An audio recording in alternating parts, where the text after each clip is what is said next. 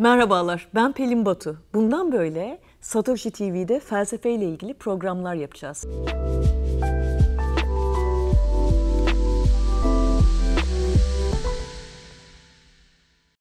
Şimdi neden felsefe diyebilirsiniz? Yani yeterince tarihe bulaştım, edebiyata bulaştım ama felsefe içimde kalmış bir şeydi. Hep felsefe okumak istiyordum. Fırsat bu fırsat. Dedim ki felsefeye geri döneyim. İlk okuduğum konu felsefeydi ve her şeyin temelinde de felsefe var. Dolayısıyla sizlerle dünyanın meşhur filozoflarının dünyalarına gireceğiz. Onların temel düşüncelerini irdeleyeceğiz ve aslında kendimizi sorgulayacağız. Zaten felsefe nedir? Böyle başlayacağız. Deleuze ve Guattari'nin dediği üzere yaş kemale erince, gece yarısı uykusuzlukla didişmeye başlayınca sorduğu bir soru değildir sadece. Kelimeden başlayalım. Arkeolojik kazı yapıp derinlere inerek söze girelim. Filosofia, malumunuz filos antik Yunanca'da sevgi demek. Sofia ise Ayasofya'dan bildiğimiz üzere bilgi ya da bilgelik anlamına geliyor. Yani filozofia bilgelik sevgisi, bilgiyi sevmek anlamına geliyor. O takdirde bilgiyi seviyorsanız başlıyorum. Aslında her şey sorularla başladı. Biz kimiz, neden buradayız, hayatın anlamı ne, mutluluk nedir, ölüm ne menen bir şeydir gibi hala sormaya devam ettiğimiz temel sorularla, sorgulamalarla başladı. Batı felsefesinin atası olarak kabul edilen M.Ö. 585 yıllarında yaşadığı düşünülen Miletoslu Thales ilk temel soruları sordu. Bu arada ilk felsefeci meselesi yüzünden beni Batı hayranlığıyla suçlayacak olanlarınız varsa topu Aristo'ya atıp konuyu kapatıyorum. Ben değil Bay Aristoteles'e ilk filozof demiştir. Thales'in asal sorusu sürekli değişime uğrayan şeylerin altında değişmeyen bir şey var mıdır?'dı. Aslında Thales dolaylı olarak biz nereden geldik sorusunu ortaya atıyordu. Anlayacağınız felsefecilerin her şeyi anlamlandırmaya çalışırken karmaşıklaştırmasının başlangıcı da burada başladı. Cevabı da şuydu. Thales her şeyden önce su vardı demişti. Demişti diyorum ama burada da bir parantez açmam gerek. Çünkü Miletoslu Thales'ten yazılı hiçbir metin kalmadı. Ona yapılan referanslar Thales'ten çok sonra yaşamış yazarların atıflarıdır. Dolayısıyla bize kalan bu fragmanlardan çıkarımda bulunuyoruz. Peki neden mi su? Çünkü su her daim değişen ama özünde değişmeyendi. Evrenin yaratılışını böyle açıklayan ilk düşünür aslında çok tehlikeli bir şey yapmıştı. Başlangıcı kaos veya Gaia'ya muharebe eden babalar ve oğullara bağlamıyor, Uranus, Kronus ve Zeus'ların tahtlarını sarsıyor, putlarını kırıyordu. Evrenin ve o evrenin içinde kum tanesinden bile daha minik ve silik olan bizlerin varoluşunu doğaya bağlıyor, bilimle açıklamaya çalışıyordu. Thales'ten bir Nietzsche çıkarmaya çalışma diyecekleriniz kesin olacaktır. Haklısınız. Thales tanrılarını öldürmedi. Ama sorgulayıcı ve mantığa dayalı bakışıyla ampirik ve pragmatist yaklaşımın ilk pratisyenlerinden biri oldu. Çeviriyorum, gerçeğin temel ölçütünün pratik değerler olduğunu savunan bir felsefi yaklaşım sergiledi. Teşekkürler DDK. Deneyci bir tavırdı onunkisi taş gibi sorusuyla felsefenin dört dalından metafizik, epistemoloji, aksiyoloji ve lojiye dokunarak kuş katliamına sebebiyet verdi. Bu metaforu oldum olsa sevmemekle burada kullanmadan edemedim. Kusura bakmayın. Peki nedir bu dallar? Açıyorum. Metafizik kelimeden de anlaşıldığı üzere fizik bilimlerinin ötesinde olanıdır. Varoluş ve sebebiyeti Heidegger misali varlık ve zamanı sorgular. İyi ki Aristo Metafizik adında bir kitap yazmış. Yüzlerce yıl boyunca dil ve din felsefesi, bilim ve akıl felsefesi de metafiziğin alt başlığı altında yerleştirildi. Tabii sonraları iş bu branşlar kendi bağımsızlıklarını ilan ettiler ama kimi ekoller hala metafizik titrini kullanırlar. Metafiziğin temel soruları binlerce yıldır pek değişmedi. Varlık var mıdır? Değişken midir? Bir midir, birden fazla mıdır? Evrende bir düzen veya özgürlük var mıdır? Hayatımızda olduğu gibi evrende amaççılık var mıdır? Anlayacağınız metafizik hafife alınacak antin kuntin bir konu değildir.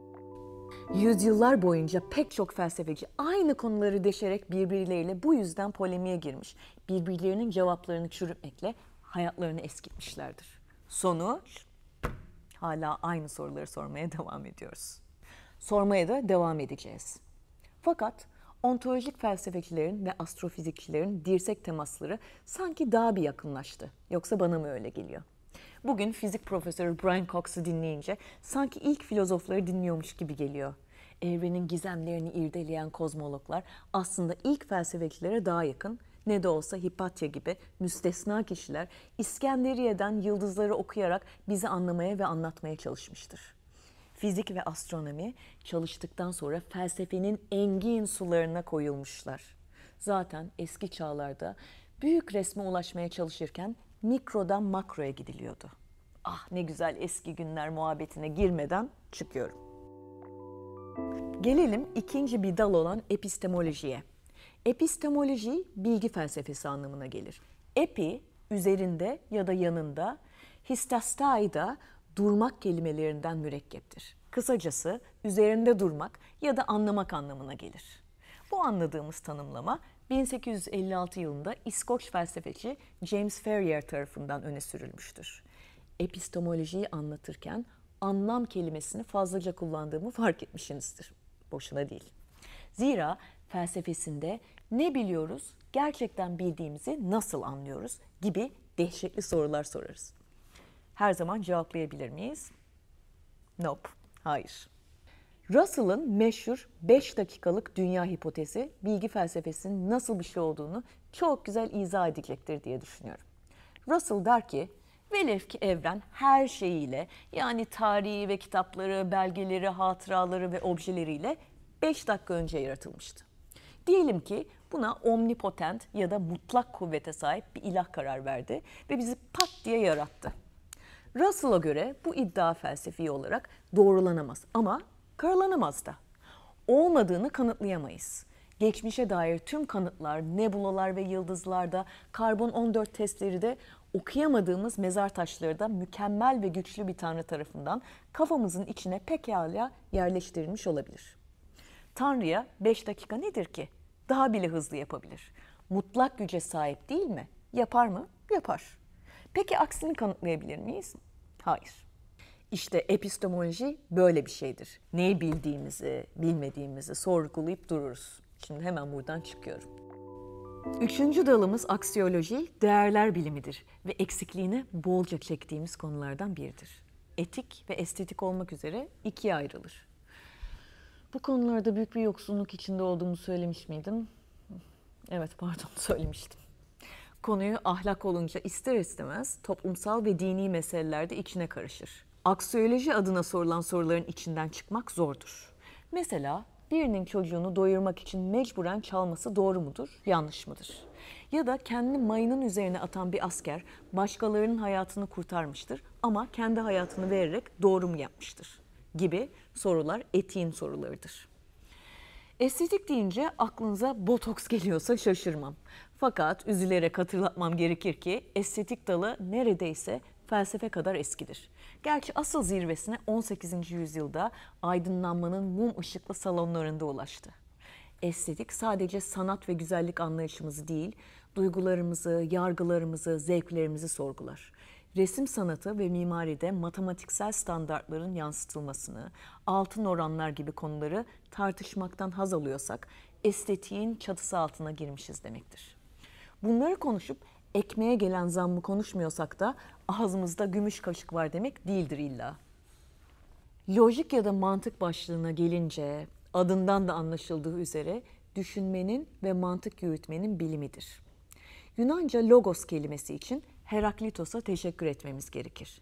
Milattan önce 5. yüzyılda yaşamış bu nehirlerin filozofu logos kelimesinde söz, akıl, düşünce, ölçü ve oran gibi kavramları saklamıştır. Öz Türkçe'de us diye çevrilir, logos mantık ise karşıtı patos ya da duygudur. Ama şimdi bunları çarpıştırmanın yeri değil. İkisi de bize lazım. Her şeyi mantıklı açıklayıp robot gibi de yaşanmaz. Her şeyi duygularımızı karıştırıp onca salya sümükle de nefes alınmaz. Mantık bilimine dönecek olursak, burada felsefenin en baba figürlerinden biri olan Kant'a gönderme yapmadan edemeyeceğim. Immanuel Kant'a göre mantık fenomenlerin benzerliğinden kurallara varma yeteneğidir. fenomen demişken yanlış anlaşılmasın. Gündelik yaşamımızda kullandığımız gibi bir şey değildir.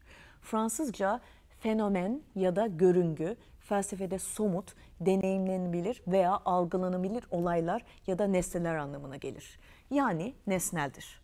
Kant fenomen kelimesini duyularla algılayabildiğimiz şeyler için kullanmıştır. Yani what is this? This is a table. Şaka bir yana üniversitedeki bir felsefe dersimde hocamızın masanın orada olup olmadığını iki saatlik ders boyunca tartışmıştık. Tabii buradan fenomenoloji adlı müpem ve müthiş felsefe alanına geçiş yapabiliriz. Yani acılı doktora tezimin alanına. Korkmayın, size işkence yapma niyetinde değilim. Bir gün elbet Husserl ve Heidegger'leri, Sartre ve Merleau-Ponty'leri Merleau eşliğinde konuşuruz. Ama o gün bugün değil. Mantık belki de felsefe öğrencilerini en terleten soruları üretir. Bazı kitapları paralayıp formüllerle karşılaştığınızda felsefe mi matematik mi okuduğunuzu şaşırırsınız. Şaşırmayın. Mantık bilimi böyle bir şeydir. Oxford Üniversitesi'nde sorulmuş mantık sorularından birisini size tercüme edip okuyacağım ki nasıl bir sistem olduğunu anlayın. P ve Q harflerini İngilizce'de bildirici cümleler olduğunu bir argüman kabul edin. Kimi cümleler yarı gerçek, gerçek ya da yanlış olduğunu varsayarak. Bir argüman bildirici cümlelerin toplamından ibarettir. Onlardan biri diğerlerinden farklıdır. Mesela birisinde diğerlerinden farklı olarak bu sebeple kelimeleri kullanılmıştır. Aşağıdakiler geçerli formda bir argümandır. Q doğru, diğer cümleleri takip eder. P ve Q'dan hangi bildirici cümleleri seçersek seçelim. P doğrudur, P doğru ise Q da doğrudur. Bu sebeple Q da doğru kabul edilir. Bu argümanın geçerliğini tartışın. Yeri geldiğinde örneklendirerek, mantığınızı örneklendirerek destekleyin. 1. Q doğru. O zaman önce P, sonra Q, P de doğru. Peter P'ye inanıyor. Önce P, sonra Q. Bu sebeple Peter Q'ya inanıyor. 3. Jane P'ye inanmıyor. O zaman önce P, sonra Q. Bu sebeple Jane Q'ya inanmıyor. Daha üç tane şık vardı ama onları çevirmedim. Size ne demek istediğimi anlatmaya çalıştım. Anladınız mı bilmiyorum ama bu örneği sizleri felsefeden soğutmak ya da mantık okumak isteyen felsefe meftunu masumları korkutmak için vermedim. Kimileriniz bu tür egzersizleri heyecanla karşılar, kimileri ilk cümlede vazgeçer. Burada anlatmak istediğim şey şu. Mantık biraz da matematiktir. Belki o yüzden de Platon'un akademisinin girişinde geometri bilmeyenler giremez kazınmıştır.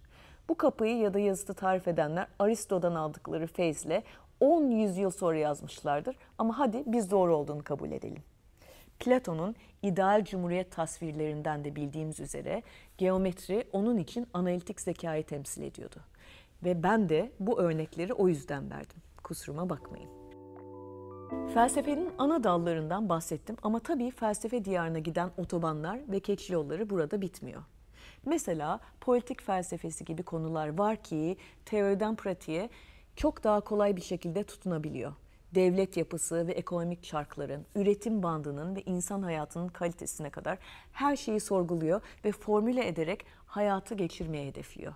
İnterdisipliner doğası gereği içinde diğer bilim dallarında barındırıyor. Bu majör damarlardan fışkıran minör kılcallara geçecek olursak orada bilim felsefesi, din felsefesi, dil felsefesi, hukuk felsefesi, tarih felsefesi, eğitim felsefesi, matematik felsefesi gibi başlıklarla karşılaşırız ki nice büyük filozof hayatımızı nasıl yaşamamız gerektiğini sorguladığı için hepimize bu noktada dokunmuş olan bu meseleleri de irdelemiştir. Mesela Hegel tarihin bir yere gidip gitmediğini sorgulamış ve medeniyetin ileriye doğru gittiğini yazmıştır. Keza Marx da bu görüştedir. Eğitim konusunda Rousseau bize Emil gibi bir armağan vermiştir ki aslında bir roman olan kitapta kırsal kentli ilişkisinden çocuk ve aile ilişkisine kadar pek çok mesele ortaya koyulmuş. Özgürlükçü Rousseau'muz nur topu gibi bir çocuğun köle olarak değil nasıl mutlu bir bireye evrileceğini kaleme almıştır. Göte boşuna Voltaire nasıl bir dünyanın sonuysa Rousseau da dünyanın başlangıcıdır dememiştir. Bilim felsefesi gibi başlıklara gelince Bilimin felsefesi bize bilimsel bilginin güvenirliğine, nasıl elde edildiğine, sebep-sonuç ilişkisine, evrende olup bitenlerin fizikle açıklanabilir olup olmadığını gündeme getirir. Hume olsun, Kuhn olsun aslında insan doğasının kuşkulu ve kuşkucu hallerine mercek tutar. Yani diyeceğim o ki felsefe sularına girdiğimiz anda okyanusta kaybolabilirsiniz. O yüzden de herkes kendi tutkusu ve fortesine göre bir adacık bulur. Orada başka zihinler var mı yoksa ben yalnız mıyım gibi güzide sorular sorarak hayatını cool bir şekilde idame ettirir. Şimdiye kadar felsefe nedir, ne değildir gibi konuları işleyerek aslında geleceğin filozoflarına sesleniş babında Felsefe 101'in kapısını araladım. Bir parmak açtıysam ne ala. Ama tabii ki bu videolar felsefe okuyacak olan bahtsızlara nasihat değildir. Tam tersine felsefeyi korkutacak bir konu olmaktan çıkarma niyetindeyim. Malumunuz felsefeyi dünyanın hiçbir yerinde muktedir sevmez. Çünkü felsefenin temel amacı sorgulamaktır. Sorgulayan koyun olur mu? Olmaz. Felsefenin altında yatan güdü başkaları ne der endişesinden arınıp bizim için en uygun ve iyi olanı bulmaktır. Bunu yapan herkes Zen Budist kıvamında nirvana'ya ulaşacak değildir. Kişisel gelişim oportunistlerin pazarladığı üzere stoacı gibi yaşamak, Ferrari'nizi satıp mutluluğa kavuşmak, Akdeniz ruhlu insanlar olarak kendimizi Ikegai pabucuna sokup Japonlara özenmek, az seçilen yollardan gidip simyacı kesilmek, saadeti, aşkı, parayı bulmak gibi şeyler hiç değildir. Bir ilahtan sürekli bir şey isteyip hiçbir şey vermemek gibidir. Hiçbir güzellik kolaylıkla gelmez. Ha, bazen şanslıysanız sınavsız ve çabasız karşımıza öyle güzel bir şey çıkar ki neye uğradığımızı şaşırırız. Bunlar çok nadirdir ve genellikle o anda ne kadar şanslı olduğumuzu anlamayız. Sonradan fark ettiğimizde de çok geçtir. Ama dediğim gibi bu tür tesadüfi nimetlerle çok sık karşılaşmayız. Yani diyeceğim o ki insanın kendini geliştirme isteğine her daim şapka çıkartmak gerek. Bu konuda kadınların 10-0 önde olduğunu belirtmeden de geçemeyeceğim. Parantezi kapatıyorum. Ve fakat bunu ne amaçlı yaptığımızı sorgulamadan, kendimizi ve limitlerimizi gerçek anlamda tanımadan, guru kesilmeden, tevazumuzu kaybetmeden yapmanın ehemmiyetini hatırlatmak istiyorum. London Times gazetesinde felsefenin ne olduğunu şöyle tanımlamışlardı. Felsefenin en büyük erdemi bize ne düşünmemizi öğretmesi değil, nasıl düşünmemizi göstermesidir. Felsefe anlam üzerine bir çalışmadır. Davranışların altında yatan prensipler, düşünceler ve bilgilerdir. Felsefe analiz etme maharetimizin taşını bilir, ortodokslukları sorgulayıp düşüncelerimizi açıkça dillendirmemizi sağlar. Kısacası felsefe en zor soruların cevabını vaat etmez belki ama onları akılane ve net bir şekilde ortaya koyup cevaplara gidecek olan yolu çizer. Gerisi size kalmış. Bu arada yeri gelmişken bazen size ekonomi, cyberbank ve benzeri konularla ilgili küçük parantezler açacağım ki felsefe konuşurken aslında felsefenin nice boyutu olduğunu bu sayede göreceksiniz. Mesela cyberpunk hareketi. Bunun manifestosu merkeziyetsiz bir yaklaşımla sosyal, politik ve ekonomik çarpıklıkları şekillendirmek amacıyla kriptografik sistemlerini savunan, destekleyen, kodlayan veya bunlara dayalı sosyal hareketlere, bireylere, kurumlara, teknolojileri, politik eylemleri ifade eder. Başka bir ifadeyle cyberpunk hareketi kriptografiyi sosyal değişim ve ifade özgürlüğü için bir araç olarak savunurken mahremiyetin temel bir insan hakkı olduğu görüşüne sahiptir. Vires in numeris söylemi, motosu, Bitcoin için sayıların gücü anlamına gelen ve onun felsefesini de yansıtan bir motodur. Evet, bu motodan sonra önümüzdeki programlarda seçtiğim ve önemsediğim felsefeciler üzerine hayatımıza dokunan temel soruları soracağım ve sizleri biraz rahatsız edeceğim. Haşa, yanlış anlaşılmasın, derdim filozof kesilmek ya da ders vermek değil. Sadece bana ışık tutan ve soru sordurtan düşünürlerin kafaya taktığı meseleleri kendi hayatlarımıza indirmeye çalışacağım. Bunu bazen kendi kendime söylenir gibi yaparak Diyojen kesileceğim. Bazen felsefeci arkadaşlarla diyalektik bir argümanın içine dalacağım. Antik çağ felsefecileri çarşı alanına, agorada insanların içine karıştırıp hayatın temel sorularını dillendirirlermiş. Bugün Taksim Meydanı'na çıkıp bunu yapmayacağıma göre zaten bir hayata fazlasıyla yetecek deli muamelesi görmüşümdür. Ve Hyde Park gibi bir arenanın olmadığına göre bunu burada yapmaya çalışacağım. Bundan böyle Satoshi TV'de sizlerle felsefe konularını irdeleyeceğim ve konuşacağım. Lütfen bizden ayrılmayın ve takip etmeye devam edin. Bu arada sadece bu Satoshi TV yayınlarından değil, aynı zamanda Spotify podcastlerden de bizi takip edebilirsiniz. Görüşmek üzere, hoşçakalın.